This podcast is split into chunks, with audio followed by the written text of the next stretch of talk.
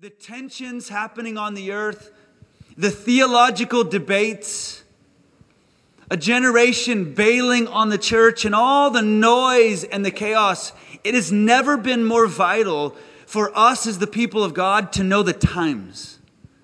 And I believe that God wants to actually flood us with wisdom, that we wouldn't be people who are passive and become paralyzed, that we wouldn't be people who are fearful and become loud and opinionated, but that we would find the way of Jesus to actually walk in understanding and wisdom. So God's raising up people in this place who will know the times. Prophetic people, fathers and mothers who will be so settled in God because they know what time it is. Because here's the reality the right thing in the wrong time is the wrong thing. The right dating relationship in the wrong time is the wrong relationship. Come on, who needs to go home and break up with their boyfriend tonight? We'll have a prayer time for that over here afterwards. Uh, the right financial decision in the wrong time is the wrong decision. Have you ever had a word for someone and you released the word, but you knew the word wasn't mature yet? The right word in the wrong time is the wrong word. So we actually need wisdom to know when and how. And here's the reality how I get what my heart desires and when I get what my heart desires matters deeply. Timing. I call it the when of God.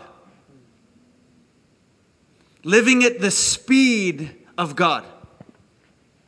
It's not enough just to know your identity. That's a good start. It's not enough just to know your destiny, why you are. And each one of us, we're on a journey to know who we are and to know why we are, but we have to know when we are. Because it's in the when of God that we become either most confident or most confused. It's in the timing of things, the when of God, that we become either most free or most frustrated. No one's frustrated about identity. No one's frustrated about destiny. We're frustrated about the when. Why hasn't it happened yet? And this next generation, they're living in the frustration of the when of God. That's why it's never been more vital for fathers and mothers to understand not just identity, not just the why, destiny, but to understand the when of God so that we can come alongside a generation and help settle them. I'm in countless conversations with young adults who are freaking out about the when of God. I've got this word on my life. When's it going to happen? And social media hasn't helped because now we can see everyone else. I can see how big your house is. I can see how much money you're making. I can see the big stage you're on. I can see how far you are. And so we compare ourselves. And so it's never been more vital for a people of wisdom and peace, settled in God, not stressed out. Here's the reality God is far less stressed about your life than you are. God is not freaking out about your life. God isn't in, heaven thinking, oh, I hope they make it. I'm so stressed out. I just hope. We get stressed out. He is not. He sees us. He's so settled as a father. And yet we are so anxious. There's so much anxiety. There's so much stress. There's so much depression. It's epidemic in this next generation. That's why we need people that are so settled in God. And you get settled in God when you know the time. When I don't know what time it is, I, I, um, I, um, I freak out because I could be late, right? I don't know what time it is. And so what do you do? You go, hey, what time is it? And, and your friend tells you what time it is. And, and then, oh, oh, I've got plenty of time to get there. I'm right on time. Peace comes when you know you're on time. And I can't tell you how many conversations I, have had with people where I just lay hands on them and I just say, You're right on time. You're not missing anything. God's not hurried. You don't need to be hurried. And just the settling peace of God comes. Uh, I call it living in the yellow. Have you ever seen a stoplight? a stoplight. Green, yellow, red, right? So we know the green of God. The things God has said to do, right? The green of God. We read the Bible and God says things like, be kind to one another, right? I don't have to pray about that. Oh God, should I be kind to people today? It's a green light. The Bible says, love each other. There should be no one here wondering if they're supposed to love people. Well, I thought that's what Martin does. He loves people. Is that my call too? Uh, the Bible says things like this go and make disciples. This is the call on every believer's life. There should be no follower of Jesus in here thinking, uh, should I be making disciples? That's the green of God. So none of us are stressed about that because it's green. And when it's green, what do we do? We go. Then there's the red. The Bible says things like, do not murder. I don't think there's anyone in here whose life tension is, should I kill people or not? Or, there's the verse in the Old Testament that says, do not cook a young goat in its mother's milk. that's just what the Bible says. So we don't cook young goats in its mother's milk. There's the green of God, and we go. There's the red of God, and we stop. So when you come to an intersection of life, right? When you come to an intersection and it's green, what do you do? You go. When it's red, you stop. But what happens when it's yellow? See, the yellow is an interesting color because we all do something different in the yellow. When it's yellow, some of us speed up. When it's yellow, some of us slow down. In the yellow of life, it's not green and it's not red, it's yellow. We're trying to figure out do I go? Do I stop? And, and then sometimes it's yellow and there's a car in front of you and the car stops. And you're thinking, why'd you stop? We both could have made it. and what you're doing is you're projecting your speed on other people. You should be further. Why don't you do this? Don't we do that all the time? We take that thing in us and we put it on other people. So it's in the intersections of life, it's in the yellow light that we need the most wisdom. We can, we can do green and red without God. There are many religious people that are doing the right things and not doing the wrong things without God. It's called religion. But in the yellow, I need God. I need to know what He's doing. In the yellow, we become friends with God. In the, in the yellow, we become desperate to hear the voice of the Spirit because this is where we need God to help us navigate life. So here's Jesus who's so fully secure he has nothing to prove. He doesn't have to promote himself. He's trusting his father. Uh, my daughter, Adia, when she was 10 years old, she came to me and she brought me this, this cute little note. Now, this never happens, so I don't want you to think my kids are really spiritual because they're not. They're normal kids. I don't even know if they're saved most of the time. But Adia, in a time where I was, I was battling anxiety and stress and the timing of things, she brought me this note, and it was so beautiful. It was a picture of me and an hourglass, and it said, God is not worried about time, He owns it all. And it just pierced my heart.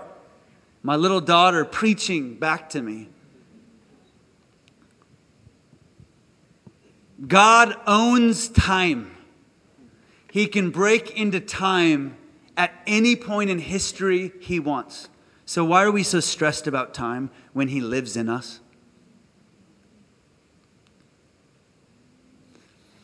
There's this uh, moment in Exodus chapter 32. And it says this, verse 1 When the people saw how long it was taking Moses to come back down the mountain, they gathered around Aaron. Come on, they said, make us some gods who can lead us. We don't know what happened to this fellow Moses who brought us here from the land of Egypt. So Aaron said, Take gold rings from the ears of your wives and sons and daughters, bring them to me. All the people brought the rings to Aaron, and Aaron took the gold, melted it down, molded it into the shape of a calf. When the people saw it, they exclaimed, O Israel, these are your gods that brought you out of Egypt. Aaron saw how excited the people were, so he built an altar in front of the calf, and he announced, Tomorrow will be a festival to the Lord. So this, this whole passage starts out with this phrase when the people saw how long it was taking. When they saw how long Moses was taking on the mountain. So here's the epic moment in Israel's history where God leads two million slaves to become sons and daughters. So here they are at the, the foot of Mount Sinai, and God gives them the Ten Commandments. And, and the Ten Commandments isn't God giving them rules, this is a father teaching sons and daughters how to live. So here they are, they have this stunning encounter with God, but they're afraid of him. And so instead of coming into his presence and climbing the mountain, it said they stood at their own tents and they sent Moses. So Moses goes up the mountain to encounter God. And the Bible says that when they saw it was taking too long, the people gathered to Aaron and they said to Aaron, Aaron, you lead us. we don't know what happened to this Moses fellow. And so Aaron, it said that he ple- it pleased him. Aaron was pleased that the people gathered to him. And so he built this calf with their gold earrings and rings, and, and they began worshiping the gods that rescued them out of Egypt. This is a profound picture of what's happening in many churches. Because here's the people gathered around Aaron, and then Aaron gathers around the people. In many churches around the, the world, you've got people no longer gathering around the presence, but gathering around preachers and podcasts and celebrity leaders. And then you've got Aaron, rather than seeking the Lord and gathering the people in the presence, he gathers around the people. Meanwhile, God is revealing himself to Moses on a mountain. So here they are, God's on the mountain. And rather than worshiping him in awe and wonder, you've got people gathering around leaders, leaders gathering around people, missing the presence of God. The church was never meant to gather around stages and leaders and celebrity Christians. We were always meant to foster a culture of his presence.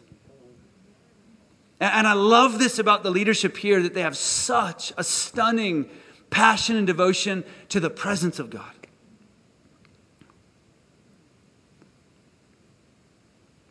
See, it's much easier to fashion a God in our image than allow God to fashion us in his image. They brought him an offering. You know, it's much easier to, to offer God something of value than to value God himself.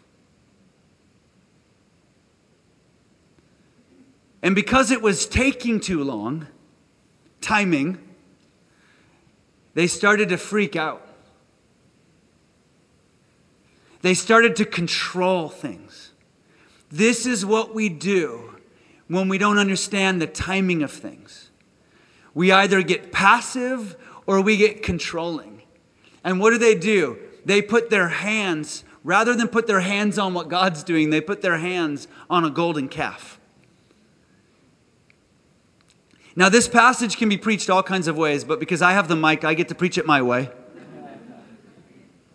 I've heard it preached that they turned to false gods. I don't believe they turned to false gods. It said that they worshiped the, the, the, God that rescued them from Egypt. That was Yahweh, the living God. I don't think they turned to false gods. What they did is they went back to their old ways of worship control. It's the moment that we no longer feel like we're in control of our lives, so we've got to get our hands on something. All the things in life that bring us security when He isn't. And I think many of us, we need less control, more wonder, more mystery, more awe. I want to be the person at the foot of the mountain who's enthralled with what God's doing, even when I don't know what He's doing. But how often in church do we start to squirm? We start to be anxious because we don't know what God's doing and, and, and we build a golden calf or I don't know what God's doing. So, worship team, would you guys come back up? Because somehow the worship team comes back up and I feel better. And the worship team has just become my golden calf. So rather than lean into what God's doing, we do the comfortable thing that the church has always done. Listen, if we're going to carry the future of God, if we're going to break into new paradigms, if the church is actually going to transform cities and culture, if we're going to be a part of the, the coming reformation of the church, the repositioning of the church in the city and culture and arts and government, and if we're going to be a part of the, the renaissance, a, a redemption of, of entertainment and film and fashion, if we're going to be a part of that, we can't keep running back to our old paradigms. And I think sometimes the church takes a step toward a new paradigm. And listen, when you're walking in a new chapter of God, you've got to look for new fruit. Because God moving in business is not going to look like God moving at the Open Heaven Conference. God moving in the arts, God moving in the next generation, we've got to start to see new fruits. We, God, show us the new fruit because too often we step into a new paradigm of God, but then suddenly it doesn't look like what it used to look like, and so we run back to the old church paradigms. Worship team, can you guys come on stage? No, no, you don't have to. Don't really come on stage. Not, but I love your beard. I love your beard. I'm not picking on the worship team. I love worship. I just know sometimes we get uncomfortable and we start to control things because control is much easier than release.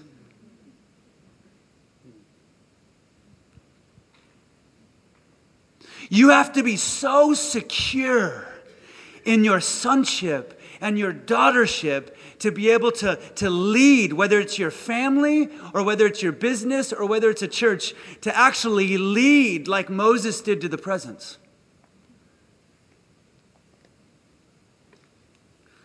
Less control, more wonder.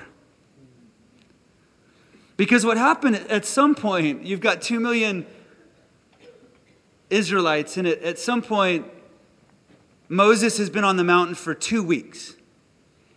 And someone turns to their friend and they're like, This is taking forever. And their friend's like, Yeah, I was thinking the same thing. Let's just wait it out a couple more days. A couple more days goes by. Now it's been three weeks some guy turns to his girlfriend and he's like, This is taking forever. It's been three weeks. What's God doing? What kind of God is this? A three week God?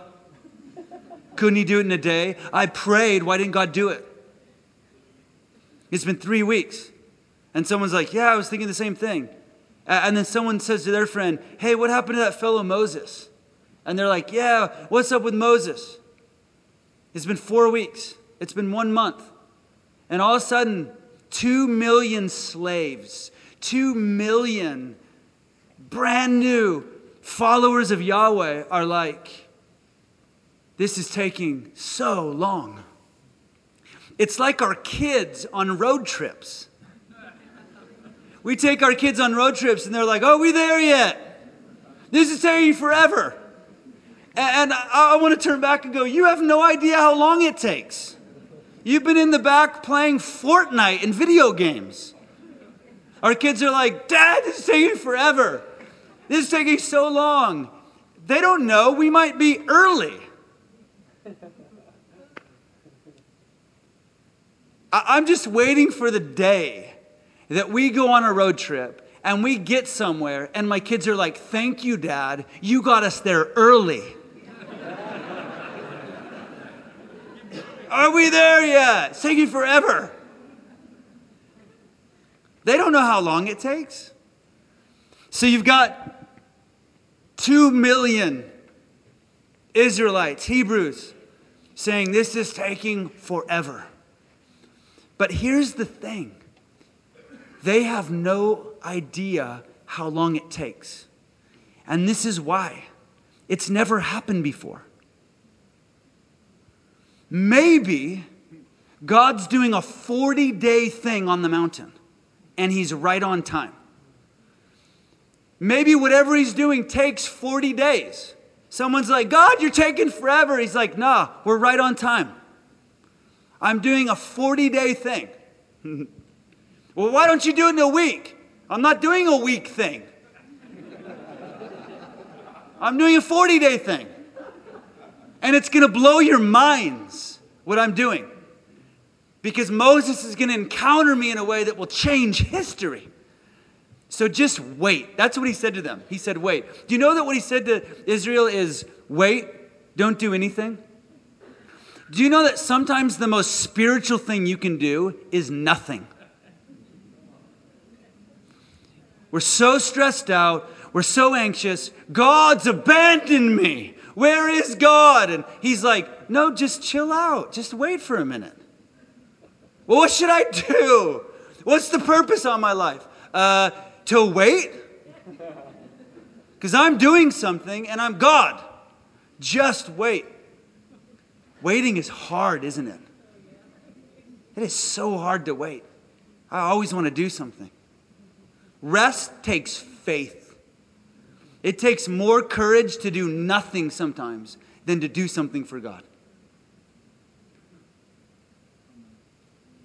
But here they are, they build this, this calf. What's so interesting is whenever we Whenever we talk about it's taking so long or I should be further, there are people in this room that are believing orphan lies that you should be more spiritual, that you should be further, that, that, that you should have more influence. There, there are many of you that have believed those things. Whenever we start to believe those things, we fall into the language of comparison. Because here's the reality you've never happened before, no one knows how long you take. You've never happened before. Oh, I should be further. No, you're, you're okay. Oh, it should have happened in a week. No, it's going to take 40 days for God to do that. And biblically, if you follow scripture, it's Nehemiah got the word of the Lord and it took four months. Moses got the word of the Lord, it took 40 years. So usually we take somewhere between four months and 40 years. We want four months. For David, it was 20 years. Shadrach, Meshach, and Abednego, 29 years. So somewhere in there. But I know that, listen, I know we're in Norway and we want In and Out burger. I know.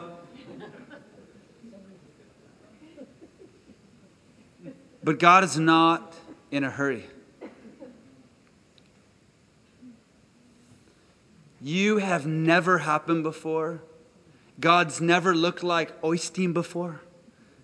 God's never looked like Elling. God's never looked like Irene. And so we can't compare ourselves to others. And we live in the joy of, I don't know how long I take, but it doesn't matter if it takes a lifetime. I'm yours. And it's like that, that moment in, in Daniel chapter 10, where it says this, verse 12, it says, uh, Daniel prayed to the Lord and he cried out for God to come. And in verse 12, 10 12, it says, Don't be afraid, Daniel. Um, this angel shows up and says this Since the first day you begin to pray for understanding and to humble yourself before the Lord, your, your request was heard in heaven, and I've come to answer your prayer. But for 21 days, the spirit prince of the kingdom of Persia blocked my way. But then Michael, one of the, the archangels, came to help me. And I left him there wrestling with the, the spirit prince of the kingdom of Persia. Guys, if we could really understand what's happening in the spirit realm, in the book of Daniel, we get such a brilliant glimpse of the timing of God in the spirit realm. Daniel prays a prayer. He prays for 21 days. After 21 days, an angel shows up and says, The day you started praying, heaven heard your prayer. But it took me 21 days to get here.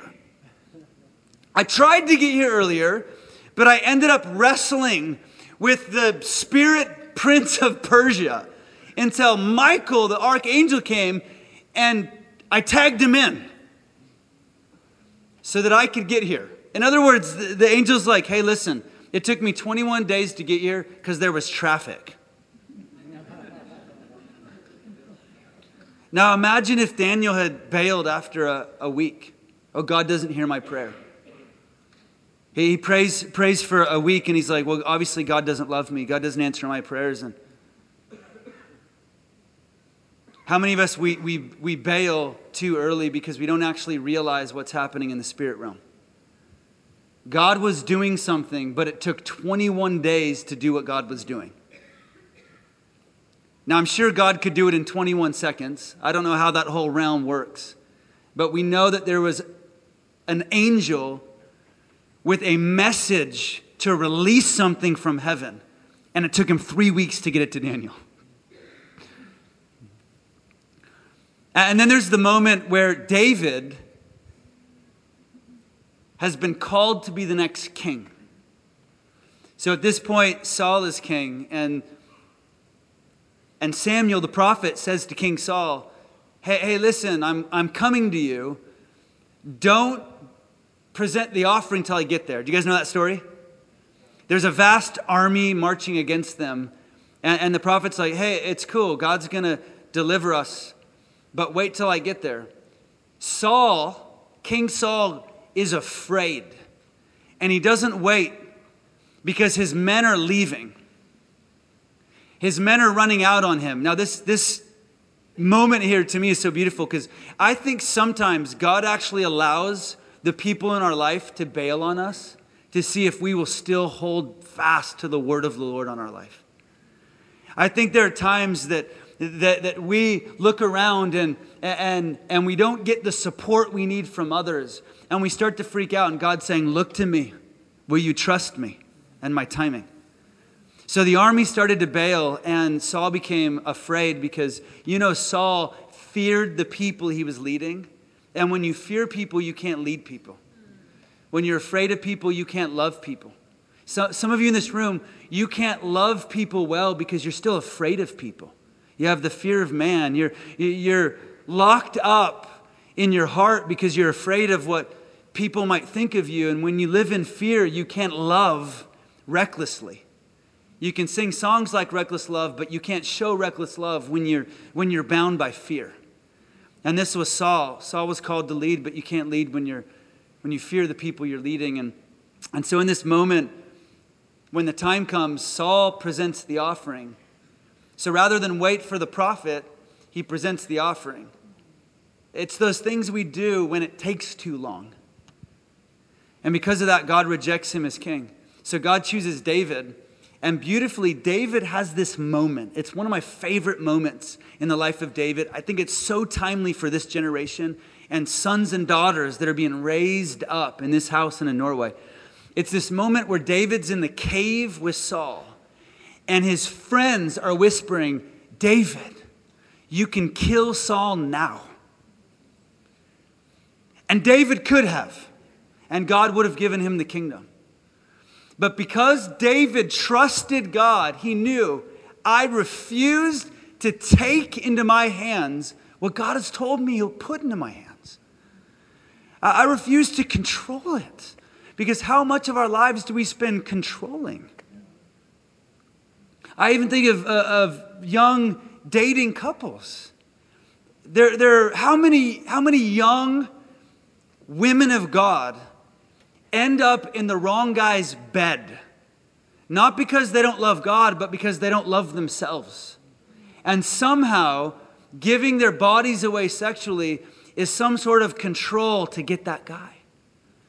This happens in finance. How often are we, are we stressed? Money becomes a God, and it becomes a way of controlling our lives. And here's David who, who could have killed Saul in the cave. I mean, how many times can we take shortcuts to our destiny? And yet, there's something about being settled and knowing, I know this is on my life. I don't have to make it happen in my own orphan strength. Because I'm a son, I can trust that God is good.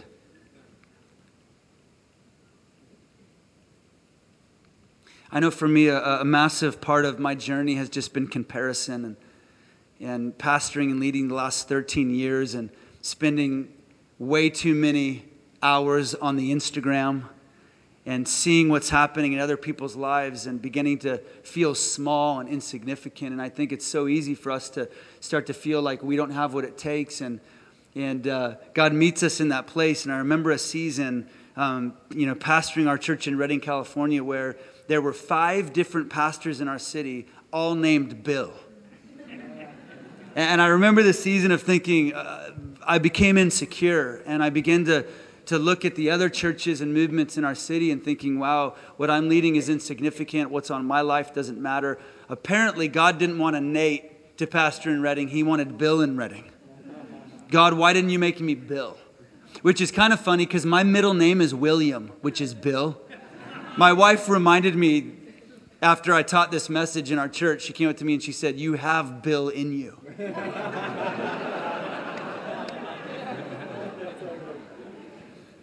and so there was a season of being just insecure as a leader and thinking, wow, why aren't I further? And why isn't our church bigger? And, and why aren't I more anointed? And, and, uh, and why aren't I getting invitations out? And, and just comparing rather than, rather than beholding and trusting that every word God has promised on my life, like Mary, you know, Mary, she treasured the word of the Lord in her heart. The problem is we can't treasure those things that we measure. If I'm measuring it, I can no longer treasure it. And the Lord began speaking to me through all kinds of fathers and mothers that would just settle me in the timing of God. They would say things like, When God called Nate, he already had Bill. God didn't need another Bill when he called Nate. He'd say things like this Hey, when the Lord gave birth to the stirring, he already had a Bethel. God doesn't need another Bethel, he's looking for a stirring. And these words begin to break off. Listen, when you know who you are, you have no desire to be who you aren't. And when you realize who God's made you to be, you don't want to be anyone else. There's a freedom when you realize that you can rock fully who you are. And I remember uh, preaching one night, and while I was preaching, I got a, a text message from someone at Bethel saying, Hey, hey, dude, you, you got to get down here to Bethel. There's a glory cloud. And did you guys hear about the glory cloud at Bethel Church in Redding, the little church down the street from our church? And this, this glory cloud kept showing up. And every time the glory cloud would show up, eight minutes down the road, I happened to be preaching. So I never actually saw the glory cloud. And I think God knew that. I think He was waiting until I would start preaching and then release a cloud across town. Because He's testing me. Would I love Him without a cloud?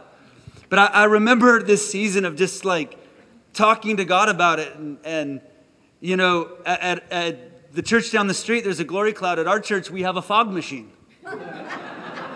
we have to fake the glory.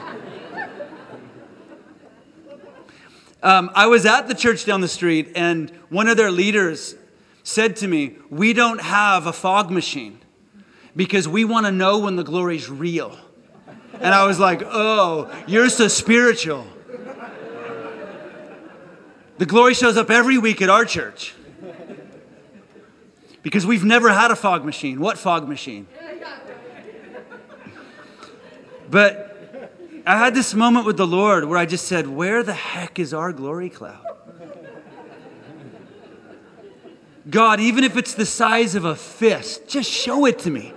I would preach and I would look for it in the back of the room. Oh God, show me just the size of a fist. It doesn't even need to be big. And I remember this moment, this encounter I had with the Lord. And he said this He said, Nathan, everything you've asked me for, I've given you.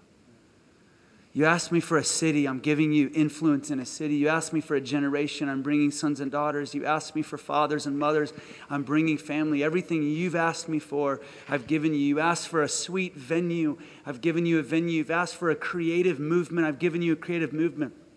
And then he leaned down and said, Nate, you never asked me for a cloud.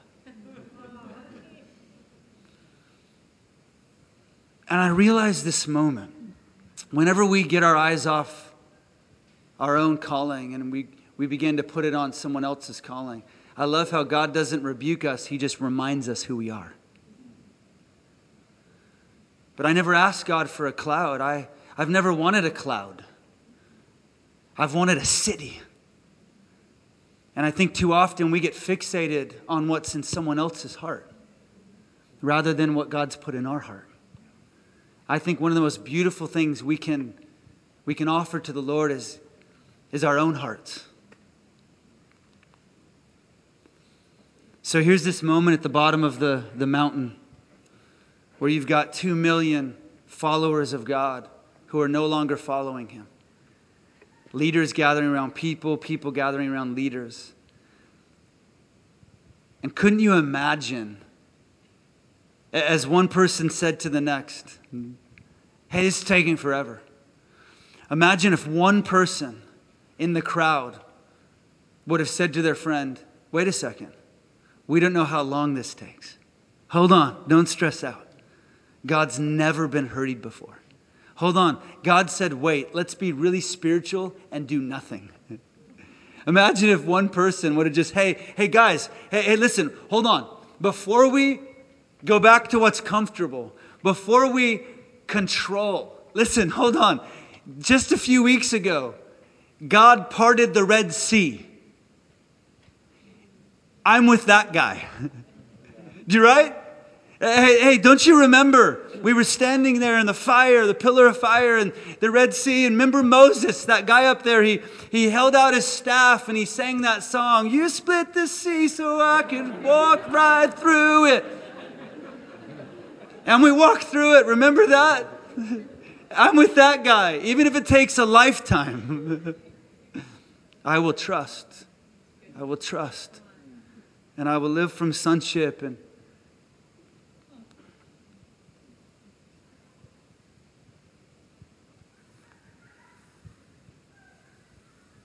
Amen.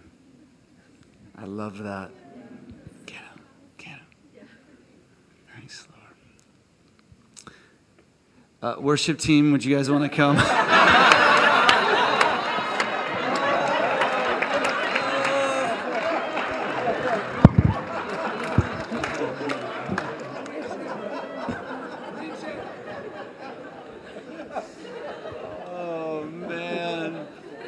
me, Jesus. Oh, I, I want to pray for a few things, if, if that's okay. All right. Come on. Let's just invite the Holy Spirit right now. Would just come, Lord? Come, Lord.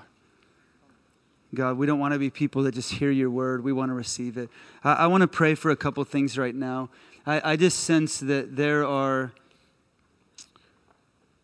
there are some in here that that in the, the swirl of the yellow, in the in the chaos of the intersection of the church right now, looking out at culture, looking out at what's coming and new paradigms, instead of becoming people of wisdom and wonder and voice, we've become passive.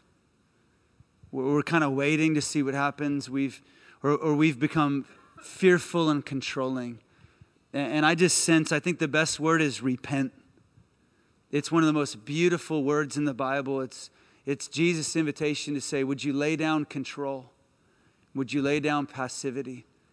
And would you, would you invite the Spirit of God to flood you with wisdom for the yellow? To be those that, that don't just know the, the who we are and the why we are, but those that God would, would anoint like the sons of Issachar that understood the times and they knew what to do. God, would you raise up fathers and mothers, leaders and businessmen and artists and storytellers and fashion designers that actually understand the time because we haven't reacted to the noise around us, but we've been anchored to the voice in us. God, let us be the ones like Moses that, that climb the mountain rather than live in control and worry at the foot of the mountain. And, if you're here and you can be honest and courageous, not, not for me, but before the Lord right now, if you've been passive or you've been controlling, and it's time to step into wisdom and wonder if that's you, just stand where you're at right now as just a, a courageous act before the Lord.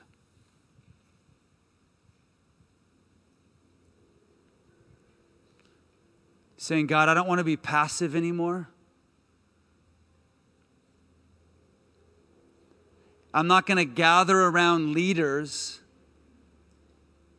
when I can climb the mountain and go right into your presence.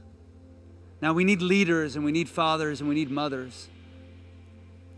But fathers and mothers and leaders lead us up the mountain into his presence.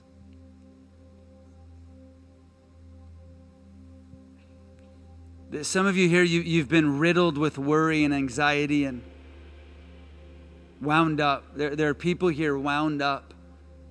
And in the presence of God, we unwind.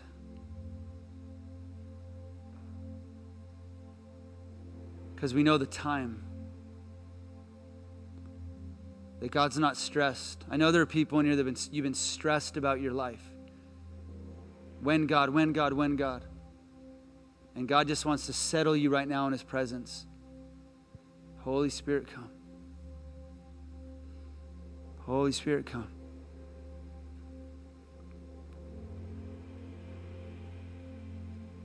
I got this picture as we were worshiping that, that some of you, the invitation is to climb the mountain.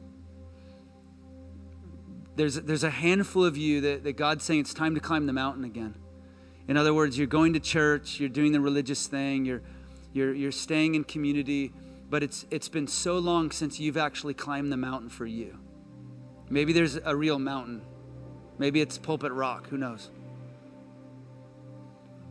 If that's you, just stand where you're at. I want to see you. It's time to climb the mountain again. It's, it's the Lord saying, It's time for you to come into my presence. It's, it's one thing for you to come to church, it's another to come into his presence. It's Moses climbed the mountain three times. The third time Moses climbed the mountain, the Lord said something to Moses he had never said to him before. He said, Haya. And it wasn't Haya. The word Haya, it's a Hebrew word that means stay. Isn't that interesting that, that God had to say to Moses, hey, stay? Because I think he knows our tendency to run to the next thing. He's like, hey, dude, just stay. Hiya. Hiya.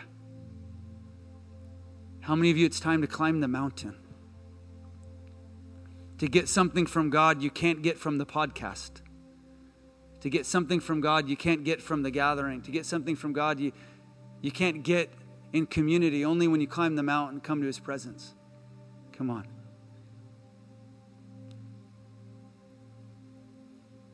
Then I want to pray for one more thing. I, I just saw I saw many of you saying, God, we want to be the, the sons of Issachar of our day. There, there are some of you here that, that, that there's a desire. God, God has, He wants to put the future in you and I saw just an anointing of wisdom to know the time. The time of culture, the time of the church. I just saw a wisdom, a supernatural wisdom, a prophetic insight to actually know the timing for people. To be able to be in people's lives and as they're stressing out, you're able to go, No, you're right on time, or this is what God's up to, or this is what He's doing, this is what He's saying, to bring clarity. If that's you and you know that, just stand where you're at. I'm going to pray for you. Holy Spirit, come a people who know the times. Fathers and mothers, a generation will come to and say, What time is it? What time am I? I'm not sure what God's doing in my life. What time am I? And God will give you prophetic wisdom to tell them the time of their life.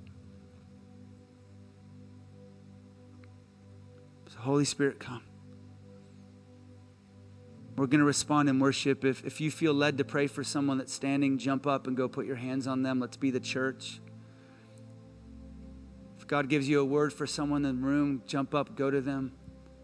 Holy Spirit, flood this place. Anoint us as those who know the timing of things, the when of God. We lay down fear and control. We lay down passivity.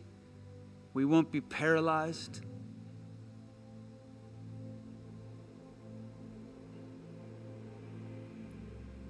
We refuse to take into our hands what you've promised to give, God. We don't have to prove something and jump off of the temple. We can lay our lives down in obscurity and know that we're wholeheartedly following you. Come on. Amen. Amen. Let's just respond for a moment.